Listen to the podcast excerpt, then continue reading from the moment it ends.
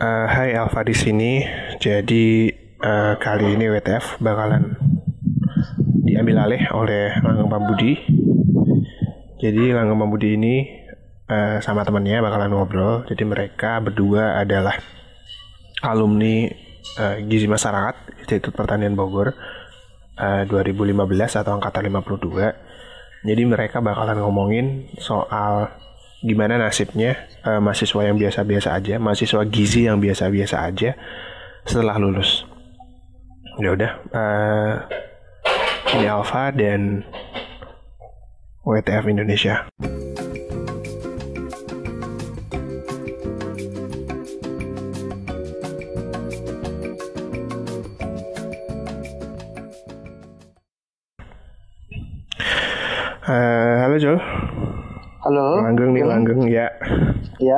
Hmm? Eh, buat perkenalan, Cul. Eh, sebelumnya kan pas di yang WTF pertama eh, nggak eh, pernah dikenalin nih. Jadi eh, kenalin dulu aja deh kamu deh, dikit. Oke, boleh banget, Gang. Ya, jadi ini ya, uh, Langgeng dan teman-teman semuanya uh, kita mulai lagi dari awal kenalin. Uh, saya biasa memanggil diri saya saya gitu bukan aku jadi ya kenalin nama saya Rizky Mauludin gitu saya dari Gizi Masyarakat Angkatan 52 kalau di Gizi sendiri saya sering dipanggil namanya Ucul Ucul itu kalau dibalik jadinya lucu gitu ya. Mungkin karena muka saya lucu atau tingkah saya yang lucu seperti itu. Oke itu dari uh, Rizky atau dari Ucul tadi uh, kenalin juga aku Langgeng uh, yang punya WTF Indo. Cuma kadang dibajak sama Alfa sama Wage Uh, aku alumni, aku satu angkatan sama Rizky, jadi kita uh, di Gizi Masyarakat IPB angkatan 52 atau masuknya tanggal du, uh, tahun 2015 kalau di univ lain tuh hitungannya kan tahun masuk. Oke, jadi uh, di sini kita bakalan ngomongin soal gimana sih uh, mahasiswa yang biasa-biasa aja ya setelah lulus. Jadi kamu gimana?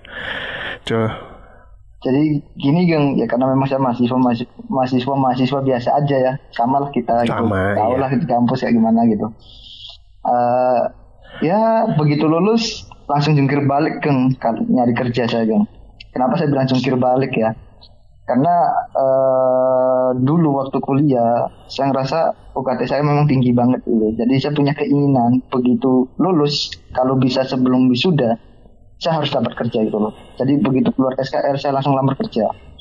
Saya langsung jungkir balik tuh kita kita lah. Hmm. Kita kan langsung jungkir yeah. balik begitu keluar SKR langsung nyari kerja. Dan ya alhamdulillah uh, lima hari sebelum saya di wisuda saya udah dapat kerja itu dan lima hari setelah saya lima hari setelah saya wisuda saya mulai hari pertama kerja saya gitu. Eh, nah, Oke. Okay. Tapi kan sebelum sebelum itu sebelum antara jeda kita SKL, kamu dan saya SKL kan ada jeda waktu tuh sampai wisuda. Nah itu uh, sebenarnya kita kan udah boleh apa namanya mendaftar untuk jadi untuk daftar kerja. Cuma kan waktu itu kita uh, kurangnya adalah ketika belum SKL itu belum wisuda, kita belum bisa punya STR, sudah tanda registrasi sebagai register nutrisionis. Nunggu nah. nunggu proses UKOM, nunggu nilainya keluar, nunggu disumpah. Nah, um, kamu seberapa pengen sih dulunya tuh sebenarnya kan untuk pakai STR ini untuk kerja di rumah sakit kan karena wajib ya kalau kerja di rumah sakit. Betul, wajib banget pakai STR, harus punya STR gitu. Nah, itu untuk uh, sebagai cerita nih. Jadi saya karena memang apa namanya? karena memang rasa rasa pengen saya kerja di rumah sakit itu tinggi ya waktu itu begitu lulus idealis saya tinggi banget idealisme saya tinggi banget begitu lulus saya pengen nih kerja di bidang kesehatan atau di bidang pangan bidang pangannya ya kalau bisa masuk ke dinas-dinas kayak gitu loh nah berhubung nggak ada STR nih saya karena saya memang keinginan saya tinggi saya coba nih begitu keluar SKL uh, yang pertama kali saya daftar itu adalah rumah sakit di daerah di Majalengka. Nah, saya daftar online tuh. Sampai hari ini saya nggak dipanggil-panggil nih sama rumah sakit ini. Dan pendaftaran saya masih aktif itu. Dan masalahnya pendaftaran saya masih aktif. Nah, yang jadi pertanyaan, apakah saya nggak dipanggil ini karena gara-gara nggak ada STR waktu itu karena saya waktu itu saya nggak upload STR itu dilema satu nah yang kedua uh, bukan hanya untuk nyari kerja di rumah sakit yang notabene rumah sakit swasta yang harus butuh STR nah setelah UKOM pun STR itu kan tidak begitu langsung ada gitu. Nggak nggak langsung muncul gitu punya STR gitu kan harus ada proses berikutnya kan. Uh, sumpah profesi lah kayak gitulah terusan. Harus ngurus data dan uh, macam pembayaran segala macam. Betul. Dan itu waktu itu sebelum corona saya ngurus di bulan Januari dan kebetulan di 2019 kan ada CPNS nih Gung mm-hmm. yang bulan Oktober pendaftaran yeah, yeah, yeah. nah saya coba daftar nih CPNS. Tadinya saya mau daftar di Kemenkes dan Kemenkes itu ternyata butuh STR. Butuh STR semua. Akhirnya saya mensiasati nih karena saya juga pengen jadi PNS gitu. Maksudnya pengen masuk jadi kategori PNS lah biar aman gitu kan pikir saya. Nah, saya milih daftar itu di Kementerian Pedesaan. Di sini Kementerian Pedesaan ini banyak anak GM yang nggak tahu kalau lulusan gizi bisa masuk sana. Akhirnya ya cuman yang tahu aja masih ya. Beberapa orang aja yang daftar di Kementerian Pedesaan. Saya kira banyak yang tahu gitu loh. Kayak gitu. Nah ya CPNS juga gagal loh kemarin.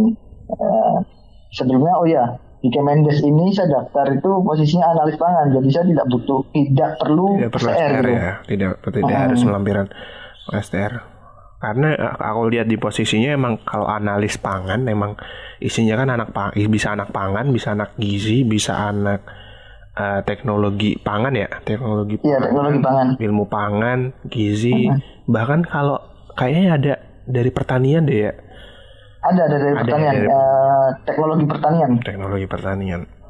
Hmm.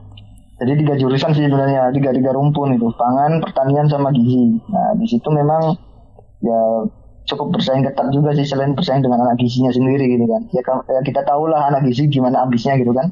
Iya kayaknya di mana mana pasti ambis sih. Iya. Semuanya eh.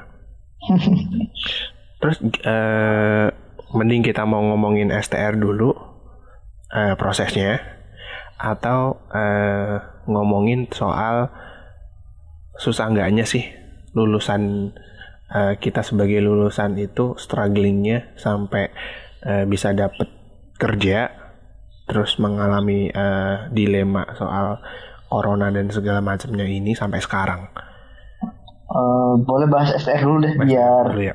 Teman-teman juga tahu begitu lulus gambarannya gimana sih STR gitu kan ini kan lagi polemik juga STR ya, gitu. BTW BTW tahun ini kan emang uh, tidak ada ya tidak ada ujian kompetensi untuk sarjana gizi S1 Iya, belum ada direncanakan. Karena apa sih bertentangan dengan keputusan Menteri Kesehatan ya?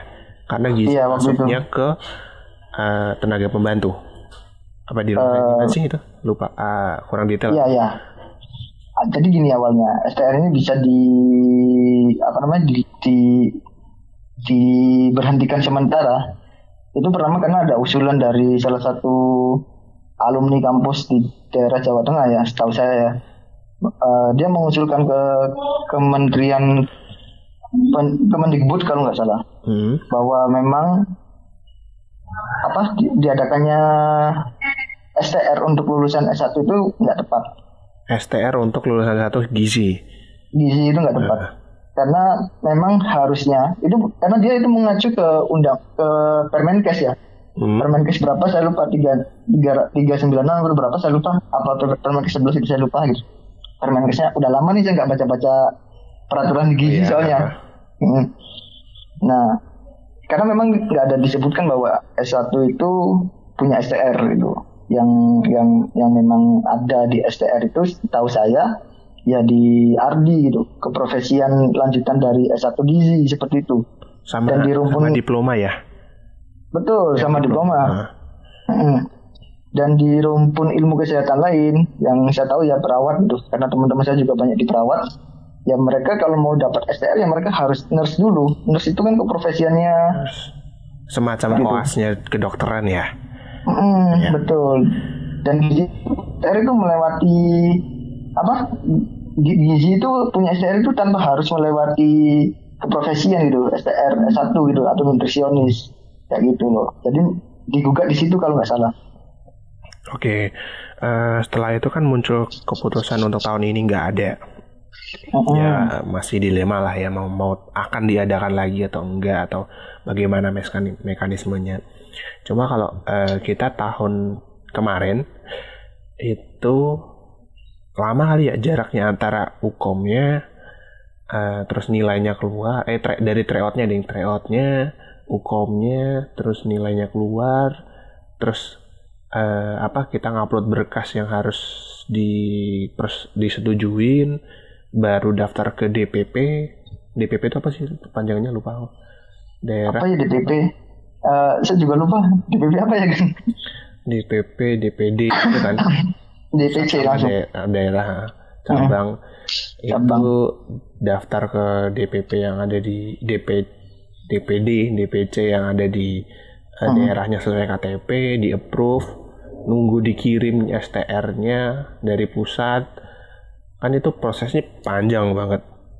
Iya panjang banget. Eh, yang kita alami waktu itu eh, koreksi kalau kalau saya ada yang kelewat. Jadi setelah kita ukom kan kita nunggu nilainya tuh. Ya Iya. ukom- ukomnya lumayan mahal ya kalau dibandingin sama D3 waktu itu.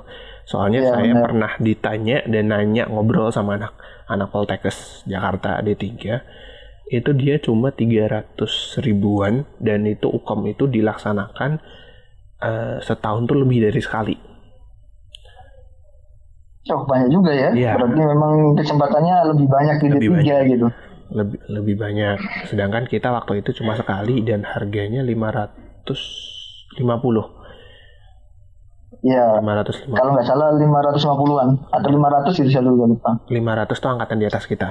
Di kita naik Oh, alah. 550 50 iya. Terus habis itu nilainya keluar nilainya keluar eh, dari itu kan yang ngurusin IP asosiasi apa sih? Institusi penyelenggara gizi penyelenggara gizi kan. Eh, terus dari IP itu datanya pendidikan gizi kan sorry salah. Asosiasi institusi pendidikan gizi Indonesia. Iya, terima kasih. Aku juga nggak hafal soalnya. Eh, jadi apa panjangannya. Dari. AIG itu, terus kita eh, dapat nilai, dapat nilai terus kita baru daftar ke Persagi, Persatuan Ahli Gizi. disumpah dulu kan Oke, iya lupa. Kita disumpah dulu, disumpah dapat berkas ya, berkas nilai dapat bekas dan tanda bahwa kita sudah disumpah, sumpah nutrisionis. Heeh.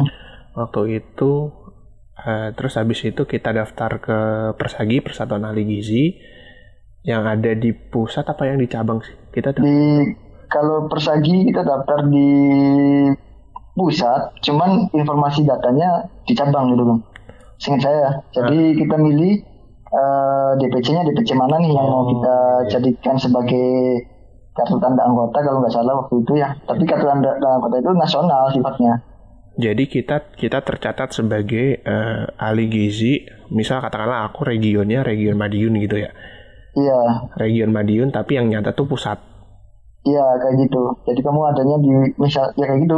Bisa digambarkan ya kayak KTP kamu aja. KTP kamu orang mana gitu. Iya. Nah, tapi itu dikelola nasional kayak gitu loh Oke. Terus habis itu kan kita nunggu tuh lama banget tuh si STR-nya dikirim kan dari pusat yang di Jakarta tuh di kampusnya Poltekkes. Ah. Poltekkes di Hang Jep, Hang Tua apa Hang Jepat sih? Itulah di Iya, Jakarta. oh yang situ. ah. Itu dikirim ke daerah masing-masing. Jadi tergantung meng- tergantung jauh dan lamanya. Waktu itu punya saya tuh nyangkut ceritanya. Yang di kantor pos mana nih? Kantor pos pusat, pusat kota Oh, pusat kota jauh ya. Madiun belum dikirimin ke eh, kabupatennya. Oh, kabupaten. Belum nyampe kabupaten malah. Belum belum nyampe kabupaten dan kecamatan yang saya eh, tempat tinggal. Ah, domisili KTP belum nyampe situ jadi waktu itu saya minta tolong saudara saya untuk ngecek bolak bolak balik ngecek yang ada di kecamatan kantor pos yang ada di kecamatan katanya belum ada sedangkan saya cek di eh, ada kan kita dapat resi kita cek resinya tuh udah nyampe ke pusat yang di Madiun kota yang di kota hmm. udahlah waktu Sama. waktu itu hampir sebulan sebulan lebih hampir satu setengah bulan Hmm. Sama sih sebenarnya, Kang. kamu gimana sama sama saya juga kayak gitu jadi uh, langsung aja skip ya proses yang kayak gitu. Hmm. dari apa namanya? Dari sumpah profesi. Saya ingatnya sumpah profesi itu tanggal 21 Desember kalau nggak salah. 2019 terus saya ngurus STR itu dari bulan Januari Februari awal kalau nggak salah. Februari awal. Apa Januari akhir gitu. Uh, keluar itu di Maret saya STR saya. Ya sama saya juga ya, saya kendalanya ini ketika mengurus STR itu nama kecamatan saya nggak nggak terdaftar di webnya apa namanya? Uh, Persagi. Bukan bukan. KTKI webnya KTKI oh, iya. kan kita daftar melalui webnya iya, KTKI iya iya, iya kita dulu hmm. di KTKI iya ya iya jadi gini teman-teman. Sebelum ngurus STR kita bikin dulu kartu anggota Persagi KTA Persagi lah gitu. KTA Persagi. Setelah punya KTA Persagi kita baru daftar eh, apa namanya STR di websitenya KTKI nah ketika ngisi data itu di webnya KTKI nah kendala saya itu nama kecamatan sesuai dengan KTP saya itu nggak ada di situ.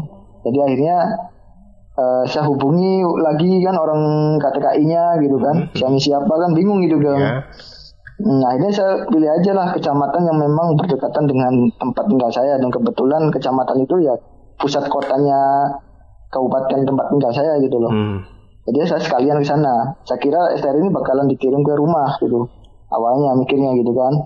Ternyata uh, nyangkut juga sama gang di kantor pos pusat kecam pusat itu pusat kabupaten nah. sama saya juga nyangkut dan saya ambil sendiri itu nah sana. iya iya uh, saya nggak tahu ya apakah mekanismenya karena pakai pos sebenarnya posnya kan pos yang reguler kan pos Indonesia iya. reguler yang harusnya ya sekitar 3 sampai lima hari nyampe Iya. Tapi nggak tahu kenapa dia berkasnya numpuk. Apakah karena saya curiganya gini dia nunggu banyak jadi kan yang ngurus di KTK itu banyak kan ya eh, tenaga kesehatan iya, banyak. Hmm. Uh, dokter bidan dan perawat dokter perawat ahli gizi dan sebagainya macamnya jadi dia numpuk iya. numpuk dulu nanti kalau nunggu ada pengiriman ada beberapa kuotanya nanti baru dikirim ke kecamatan yang bersangkutan saya curiganya gitu ya bisa jadi sih kayak gitu bisa jadi itu saya kesel banget itu hmm. sampai sampai saya ngemail ini ngemail apa uh, kantor pos. Jadi kan kalau udah kayak gitu kan yang yang bertanggung jawab adalah kantor uh, pos Indonesia. Saya iya. email pos Indonesia, saya nelpon pos Indonesia, eh, nggak uh, ada jawaban kayak, ya mas ini uh, datanya sedang akan diperbaruin gitu. Hmm. Padahal kan yeah. harusnya harusnya dia bisa ngetrack kan. Dia bisa, saya ya, bisa ngetrack uh, apa namanya resinya. Dia juga harusnya lebih datanya lebih detail lagi tracking. Iya.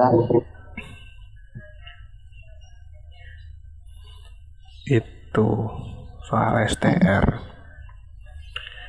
terus kan iya. Oh, lanjut lanjut lanjut. Iya sok lanjut kan uh, halo gang oh iya hmm? abis STR kita dapet ternyata kan STR nggak nggak berlaku selama yang kita bayangkan. Iya benar. Ya, STR itu lima tahun ya? Lima tahun. Dan lima tahun itu dihitung dari tanggal lahir kita. Hitungan pertamanya, mending kalau saya saranin daftarnya sebelum kita ulang tahun di tahun itu kita daftar gitu. Jadi nanti ya mundur beberapa bulan itu, lumayan lah. Lumayan. Panjang kan. Bulan ya. kayak uh, gitu. Terus untuk memperpanjang itu kan kan uh, apa ya sebenarnya info dari info antara uh, kita yang lagi ngurus uh, eh, STR itu di persaginya di KTKI dan di mana pun itu minim informasi minim minim uh, penjelasan informasi yang menurut saya harusnya nggak gini harusnya panduannya jelas terutama ya, terutama betul. di perpanjangan ini mm, bukan betul. bukan karena lima tahun ya Cuma kan bukan. ternyata lima tahun terus uh, ada persyaratan lain. Ada persyaratan yang lain harus mengumpulkan SKP sebanyak 25. Jadi disclaimer nih uh, buat teman-teman ahli gizi yang ditipu sama kakak tingkatnya bahwa harus ikut kegiatan atau seminar yang punya nilai SKP dari DPP atau DPD Persagi.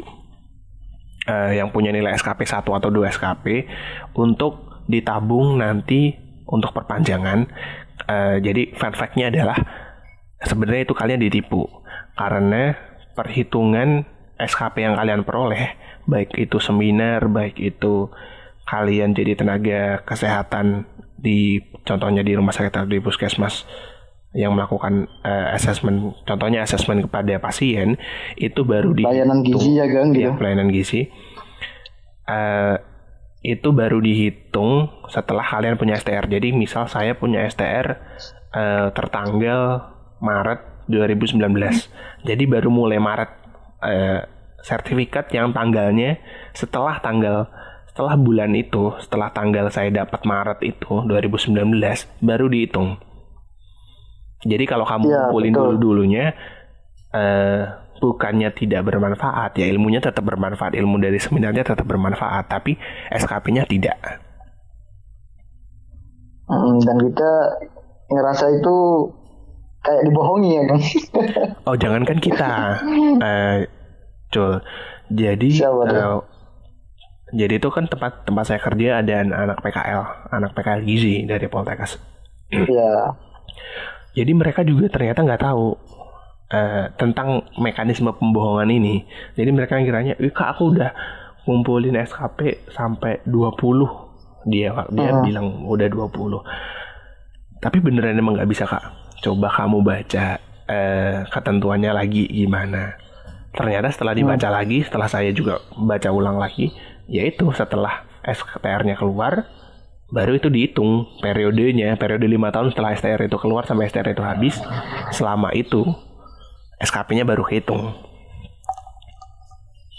Iya benar bang. Jadi memang banyak orang-orang yang nggak tahu ya sebenarnya. Saya juga termasuk yang nggak tahu sih dulunya gitu. Ketika ketika memang waktu kuliah ya, waktu kuliah saya mikir ya karena karena suatu saat nanti saya butuh SKP gitu untuk perpanjangan STR kali ya gitu mungkin saya gitu kan waktu masih kuliah.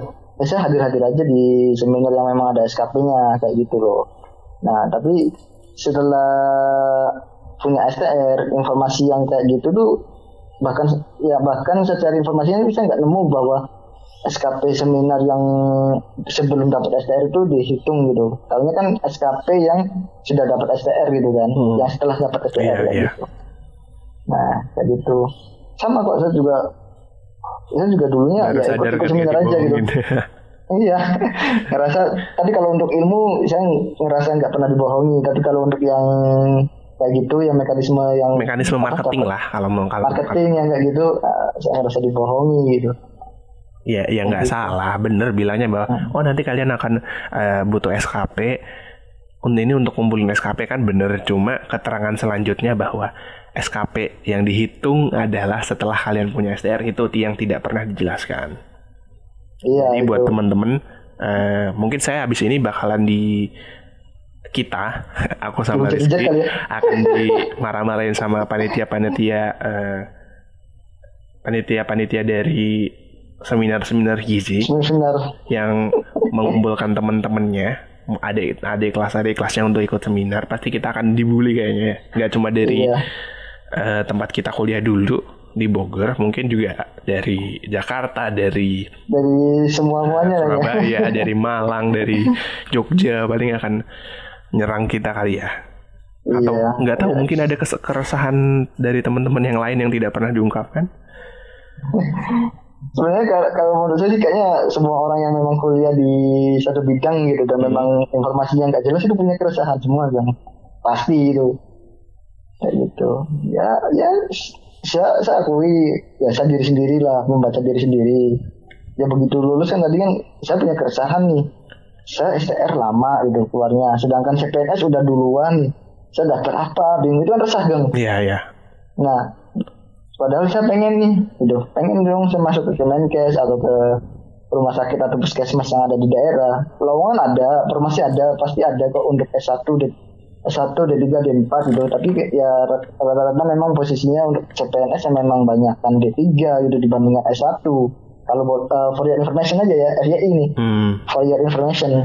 Jadi jangan terlalu berharap begitu kita lulus S1 lowongan itu akan banyak. Ada, lowongannya ada, Ada. tapi kamu nggak bisa daftar karena Ada persyaratannya. bisa, eh, nggak bisa daftar karena ada STR. Ya mungkin bisa daftar itu dia nggak ada STR-nya.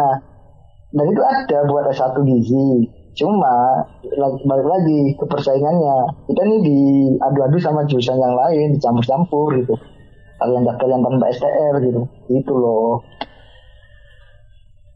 Ah, Oke, ngomongin STR tadi kan ada Persagi, Persatuan Ahli Gizi. Ternyata eh, nggak tahu ya apakah saya saya dulu itu terlalu acuh ketika jadi mahasiswa. Jadi eh, sebenarnya sempat disinggung sama salah satu dosen kita Hmm? ketika kuliah antara oh banyak nih ternyata em, apa namanya lembaga-lembaga atau grup atau persatuan soal gizi ini jadi banyak dan ini ada katakanlah S1 ada D3 ada pangan dan gizi ada gitu kalau menurut kamu gimana Eh, ya, ya atau yang kamu tahu deh apa aja Ya, ya yang saya tahu mah kalau dari kampus kita kan ada memang gizi gitu kan. Terus ada lagi yang ya persatuan gizi untuk apa namanya? eh yang nutrisionis eh, apa namanya? Gizi olahraga itu loh kan. Mhm, mhm. Itu ada kan juga gizi sama pangan kan persagi namanya ya. Eh, Eh pergizi sorry Pergizi pangan. Ah, kalau yang buat olahraga ada lagi lah namanya. Yang olahraga kan banyak tuh. Ya kalau menurut saya itu fenomena-fenomena yang wajar untuk komunitas dan memang bukan komunitas ya untuk minat gitu. Fenomena-fenomena yang wajar untuk minat. Cuma, kalau yang kayak gitu.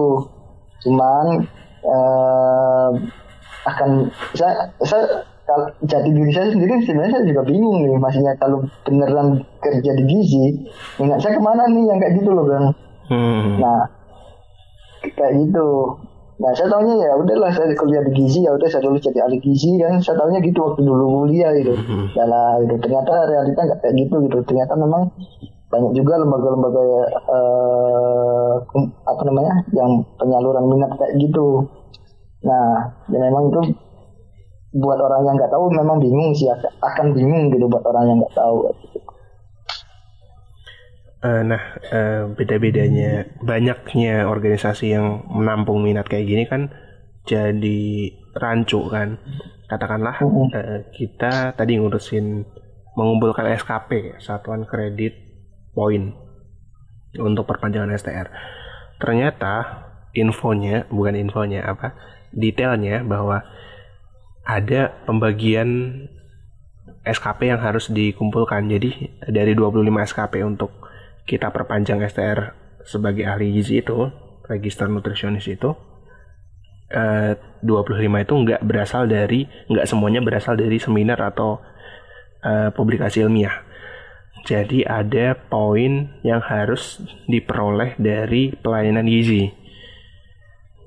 Nah ini yang tidak pernah dijelaskan juga. Jadi seakan-akan kayak eh, setengahnya atau 10 atau 15 aku lupa itu harus 15 dan 10 bang. Mm, 15 Proporsinya. dan 10. Yang 10-nya itu dari seminar, dari seminar dan eh, workshop segala macam. Seminar, workshop, simposium kayak gitu lah. Museum. eh. Nah, segit- sedangkan 15-nya itu dari pelayanan gizi. Pelayanan gizi. Heeh.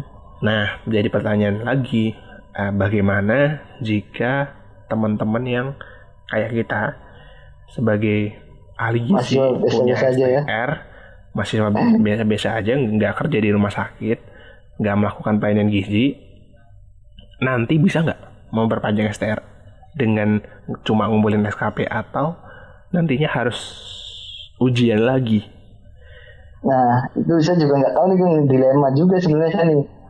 Eh, dilemanya karena gini, saya udah terlanjur terlanjur kerja di bidang luar gizi gitu, di bidang non gizi. Ya karena memang keadaan waktu itu ya yang mengharuskan saya harus geser ke bidang luar gizi gitu. Jadi saya juga bingung nih. Terus saya juga kan punya punya minat mau daftar di CPNS dan CPNS itu bukan butuh STR saya udah terlanjur juga punya STR juga nih tapi saya masih kerja di bidang luar gizi non gizi ini nah nggak tahu dari ke depannya kayak gimana nih.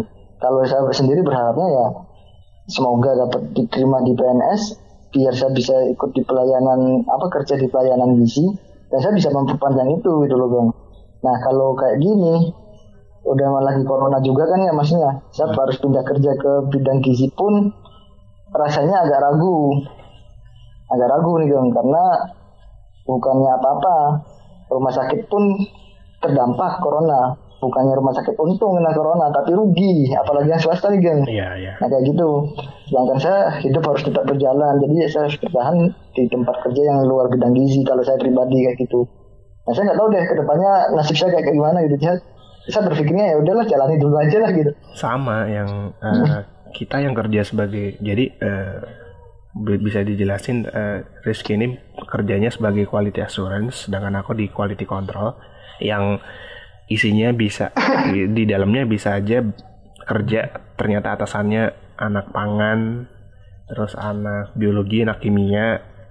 Jadi iya, nggak mau gizi mm-hmm. jadi iya uh, susah untuk kita yang tidak kerja sebagai murni di pelayanan gizi untuk dapat uh, setidaknya oh, aku pengen punya STR nih walaupun aku kerja uh, non gizi tapi oh, aku pengen punya pegangan deh uh, eh, STR itu kayak menurutku kesempatan itu kayak dibatasin gitu. Iya. Bentar deh sebelum sebelum kita masuk ke memang ke pekerjaan kita kita harus definisikan deh. Nih yang yang yang jadi pertanyaan kan itu kan kita harus kerja di pelayanan gizi ya. Hmm. nah yang dimaksud dengan pelayanan gizi itu apa gitu isinya? Apakah orang uh, apakah orang yang hanya kerja di puskesmas, rumah sakit, atau di dinas kesehatan aja itu yang dimaksud dengan pelayanan gizi satu itu? Sejenisnya itu, apakah itu itu doang yang dimaksud dengan pelayanan gizi, atau juga termasuk nutrisionis nutrisionis yang kerja di uh, swasta. Kayak kayak catering gitu loh istilahnya yang jabatannya memang nutrisionis dan kerjanya di swasta gitu. Oke, okay, bentar. itu masuk pelayanan gizi atau enggak gitu loh. Bentar. Yang definisi-definisi pelayanan gizi itu bisa masih masih belum masih belum jelas gitu. Coba saya masuk ke web dulu deh. Hmm. Oke. Okay. So, soalnya singkat saya kalau yang dimaksud dengan pelayanan gizi ya kita artinya memberikan asuhan gizi kalau asuhan gizi ya berarti ya orang teman-teman uh, yang kerjanya cuma di bidang kesehatan aja gitu yang di puskesmas yang di rumah sakit ataupun yang di dinas kesehatan kayak gitu ataupun yang di kementerian kayak gitu. Oke, okay. uh, eh, aku bacain yang dari uh, petunjuk eh uh, gini. Jadi di web Persagi persaginew.cpdnakes.org hmm. Di sana kan ada pengisian borang untuk hmm. masukin SKP. Nah, eh, ada empat ranah. Yang pertama ranah kinerja pembelajaran, yang kedua kinerja profesional, ketiga kinerja pengabdian masyarakat dan profesi, keempat hmm. publikasi ilmiah. Oke, yang paling banyak itu di kinerja pembelajaran. Ya, itu dosen lah.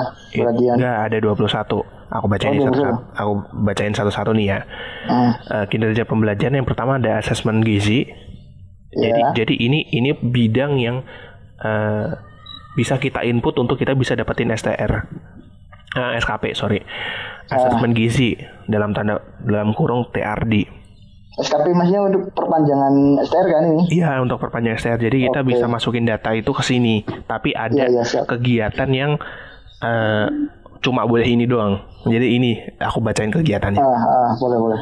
Satu asesmen gizi. Uh, dua diagnosis gizi atau analisis hubungan antropometri, klinis, biokimia, asupan gizi dan riwayat gizi personal. Tiga e-learning, empat intervensi, hmm. lima hmm. manajemen dalam tanda dalam tanda kurung nutrition, hmm. enam monitoring dan evaluasi, tujuh penyelenggaraan makanan, delapan screening gizi, 9 assessment gizi untuk nutrition yang di atas tadi untuk uh, TRD 10 diagnosis gizi untuk nutrition 11 intervensi untuk nutrition monitoring dan evaluasi untuk nutrition penyelenggara makanan untuk nutrition.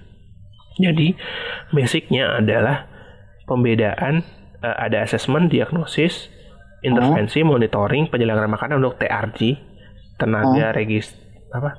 Technical register dietitian nutrition sama dietitian. Hmm. Terus abis itu kinerja profesional itu ada pelatihan Hmm. dan workshop. Itu ada sebagai peserta dan sebagai panitia, narasumber, fasilitator. Jadi ada empat masing-masing. Terus eh, kinerja pengabdian masyarakat dan profesi, pengabdian masyarakat dan profesi, sama terakhir penelitian di publikasi ilmiah. Nah kita kalau kita lihat dari sini kan eh, yang bisa masukin data, data mereka dia kerja apa untuk dihitung sebagai SKP itu kan yang melakukan eh, pelayanan gizi yang ada di rumah sakit, yang ketemu sama Hmm. pasien yang melakukan asuhan gizi klinis. Hmm. Jadi eh, kalau saya, saya penyelenggaraan makanan ya coba, Hmm. karena kalau saya lihat itu ya yang di rumah sakit doang. Gak bisa yang di catering catering yang di swasta berarti bang. Yang penyelenggaraan makanan ini. penyelenggaraan makanan para, parameter ya nih eh, parameter penilai- penilaian untuk eh, menyusun kebutuhan eh penyelenggaraan makanan untuk nutrition ya Iya, untuk nutrition. menyusun daftar menu laporan hasil analisis penyimpanan bahan makanan uji coba menu siklus resep di olahraga di tempat kerja di pondok pesantren Ah, bisa sih di panti asuhan Ah. lembaga permasyarakatan sekolah tempat kerja Hmm. pondok pesantren asrama haji olahraga restoran panti ureda vaskes lain kami nggak tahu eh, apakah ini bener-bener kalau kalau kita kerja di eh, penyelenggaraan makanan atau catering lah katakanlah yang ada di swasta gitu apakah bisa masuk atau enggak karena nggak ada nggak ada penjelasan rincinya justru ini tuh webnya Oh. webnya bener-bener eh, General gitu ya. Iya, udah nggak nggak ngasih info, nggak ngasih nggak ngasih detail info gitu loh. Kita harus menebak nebak-nebak sendiri. Iya. Tapi kalau dari apa namanya yang tadi parameternya kan harus apa namanya siklus menu siklus resep yang kayak gitu kan di swasta pun dila- melakukan gitu. Iya, Eh, laporan stok bahan panganan, permintaan bahan panganan, pemantauan bahan Iya. makanan. Itu kan kerjaan-kerjaan yang memang dilakukan juga di nutrisionis yang di perusahaan-perusahaan gitu kan. Tapi- Maksudnya yang di swasta-swasta gitu. Tapi ada salah satu isian jumlah atau total pasien. Si Oh, jenis si kegiatannya apa? Kegiatannya nggak bisa ke customer kegiatannya ya. apa? Total pasien, Hmm. dokumen bukti, tanggal mulai kegiatan, tanggal akhir kegiatan. Untuk nyimpen itu kamu harus ngisi itu. Susah-susah itu bingung. Pasien. Nah, pasien ya pasien kalau di LP kan bukan pasien ya kan maksudnya kalau di sekolah juga bukan pasien tapi kan memang ada buktinya jumlahnya berapa gitu kan ke- ketahuan gitu Tapi masalahnya di sini kan ada eh, dokumen bukti. Katakanlah kalau kita melakukan assessment atau monitoring, emang kita mau ngefotoin eh, assessment mereka satu-satu gitu sebagai dokumen bukti. Itu kan kayak kayak apa namanya rahasia nggak sih? rahasia rahasia pasien Iya, itu rahasia harusnya pasien. Nah itu yang yang bikin saya rancu dan saya bingung nanyanya ke siapa. Soalnya ke website Persagi Persatuan Ahli Gizi Indonesia itu malah eh, pelap eh, persagi.org itu ngelinknya ke jurnalnya jurnalnya Persagi. Nggak ada nggak ada pembahasan tentang ini. Gak ada pembahasan ya? Waduh bingung juga dan di nih dan di help atau bantuan di di menu help atau bantuan itu saya pernah nanyain. Jadi saya pernah ngisi eh, dokumen bukti saya saya upload hmm? tapi nggak ke upload gagal ke upload kesimpan tapi gagal ke upload data lain tuh udah kesimpan tapi buktinya gagal ke upload saya nanyain nggak sesuai sekarang. kali ya. Udah. Hmm, karena udah, nggak sesuai kali ya kan udah dua minggu atau tiga minggu. Saya lupa dua minggu atau tiga minggu sekitar dua minggu lebih. Nggak ada balasan. Hmm. saya nge-email juga nggak ada balasan. Jadi jadi bingung nanyanya ke siapa. Apakah harus nanya via telepon? Nggak ada nomor telepon juga. Maksudnya ya apakah harus telepon ke persagi secara general atau yang hanya mengurusi tentang STR ini iya bingung juga yang kontak kontak ke siapa gitu ya kan ya eh, sosial media. Saya saya belum per, belum nyoba yang sosial media sih, mungkin karena sekarang zamannya sosial media kayak official yang ada di Instagram, di Twitter, Iya. di Facebook gitu. Saya belum pernah nyoba. Tapi mungkin Kalau ada nanti akan. hotline ditelepon aja kan. Kalau ada hotline-nya ditelepon aja mending. Ya akan nanti nanti deh. Eh, kalau ada waktu akan akan saya telepon. Cuma saya nemu nemu fakta bagus bukan fakta sih. Nemu postingan dari DP eh, DPD daerah Jambi eh Riau apa Riau Jambi ya. gitu Riau. Ah, Itu menjelaskan bahwa eh, perpanjangan STR itu cuma bisa dilakukan oleh eh, ahli gizi yang kerja sebagai eh, nutrisionis. S1 ya S1 nutrisionis yang melakukan pelayanan gizi. Hmm. terus em, apa yang saya temuin kemarin ya? Oke. Eh, fakta fakta bahwa SKP itu yang dihitung adalah SKP yang hanya dikeluarkan oleh Persatuan Ahli Gizi Indonesia atau Persagi. Hmm. Jadi kalau kalian ngumpulin eh, SKP dari Pergizi Pangan, biasanya kan yang sering sering bikin acara kalau nggak Persagi ya Pergizi Pangan. Pergizi Pangan lah lebih sering sebenarnya. Hmm. Itu kemungkinan nggak dihitung. Iya, karena memang harus ke Iya, dulu juga, maksudnya eh, setahu saya juga waktu ini saya sempat nyarinya juga memang dari Persagi gitu. Makanya saya kalau nyari seminar yang ada SKP Persaginya gitu. Itu sih Kang, cuman kan ya SKP Persagi kan paling satu satu satu gitu dan saya juga nggak tahu gitu maksudnya eh, karena memang kerjaan saya saat ini gitu belum di bidang gizi gitu maksudnya. Nah ini dihitung atau enggak gitu kayak gitu doang. Ya, ya banyak dilemanya sih memang kita ya. Iya, tapi justru justru ketika mungkin eh, menurut saya kalau kalau eh, yang yang ukom halo Iya halo.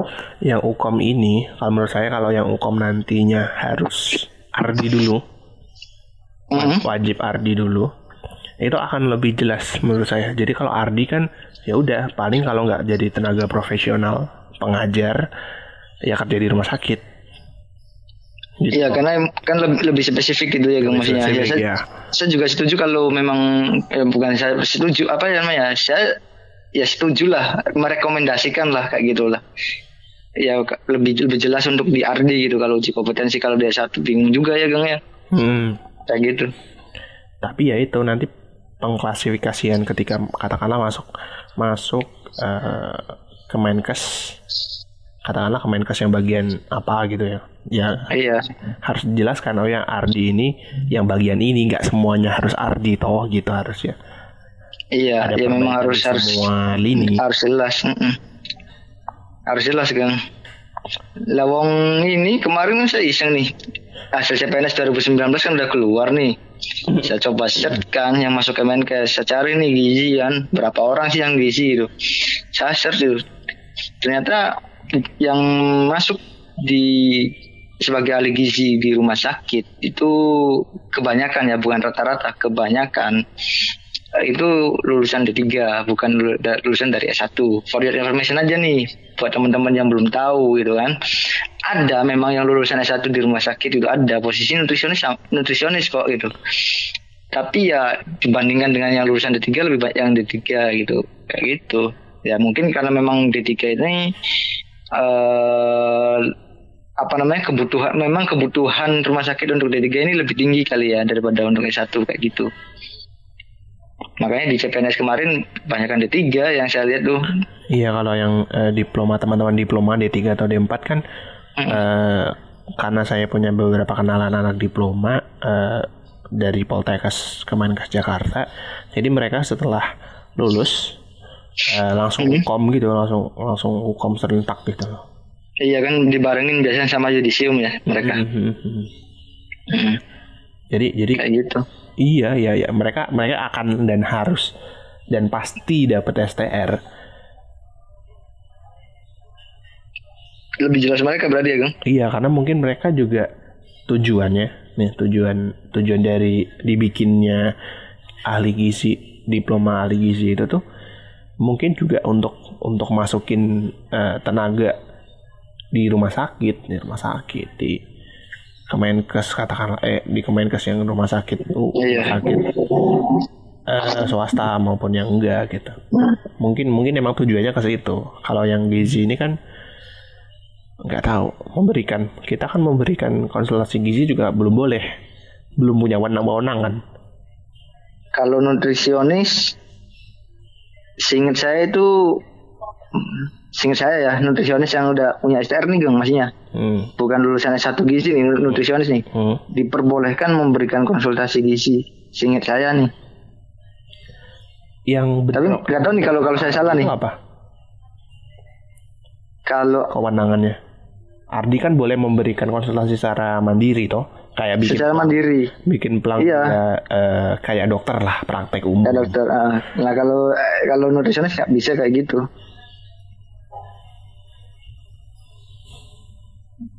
Cuma eh, nutrisionis S1 ini ya S1 terus nutrisionis istilahnya udah di STR ini udah diuji kompetensi ya saya saya eh, boleh memberikan layanan gizi atau asuhan gizi kayak gitu. Kalau asuhan gizi harusnya kan berarti ada konsultasi gizinya juga dong harusnya kayak gitu. Tapi ya kalau saya salah mohon maaf nih. Karena saya udah lama banget nih nggak update tentang peraturan-peraturan yang di gizi nih.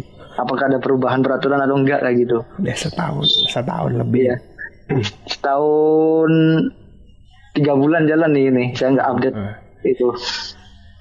Iya ternyata ya memang di internalnya juga banyak banyak problema. Eh, kita aja kalau menurut saya masih bersyukur, maksudnya eh, sebagai lulusan, ya saya nggak nggak promosi IPB, nggak promosi gizinya IPB, cuma kayak saya sendiri bersyukur karena masuknya IPB bukan masuknya univ lain. iya ya betul. karena eh, di IPB dasar pangannya dapat, pertaniannya dapat, masyarakat gizi masyarakat yang di kita gizi masyarakat. Walaupun program studinya ilmu gizi gizi masyarakat. Hmm.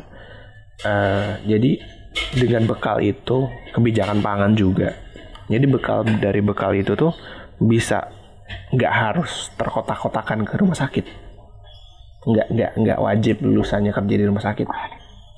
Beda sama mungkin ada beberapa univ eh, jurusan gizi di univ lain yang eh, bahkan semua lulusannya kerja di rumah sakit mungkin. Iya cenderung kerja di rumah sakit lah kan gitu. kerja di rumah sakit. Karena kan jatuhnya memang mereka klinis. Punya rumah sakit Iya. sendiri klinis dan ya koreksi aja kalau salah. Kalau teman-teman yang teman-teman gizi dari univ lain kalau mau kom- ngomentarin atau mau ngasih saran boleh aja nanti aku taruh email aku di bawah. Ya email aja. Hmm. Biar biar biar kita sharing aja gitu ini kan Iya. sudut pandangnya dari dari teman-teman eh, dari aku dan dari Rizky yang gizi dari IPB yang mungkin banyak teman-teman gizi juga di IPB juga merasakan hal yang sama cuma mereka nggak speak up gitu Hmm.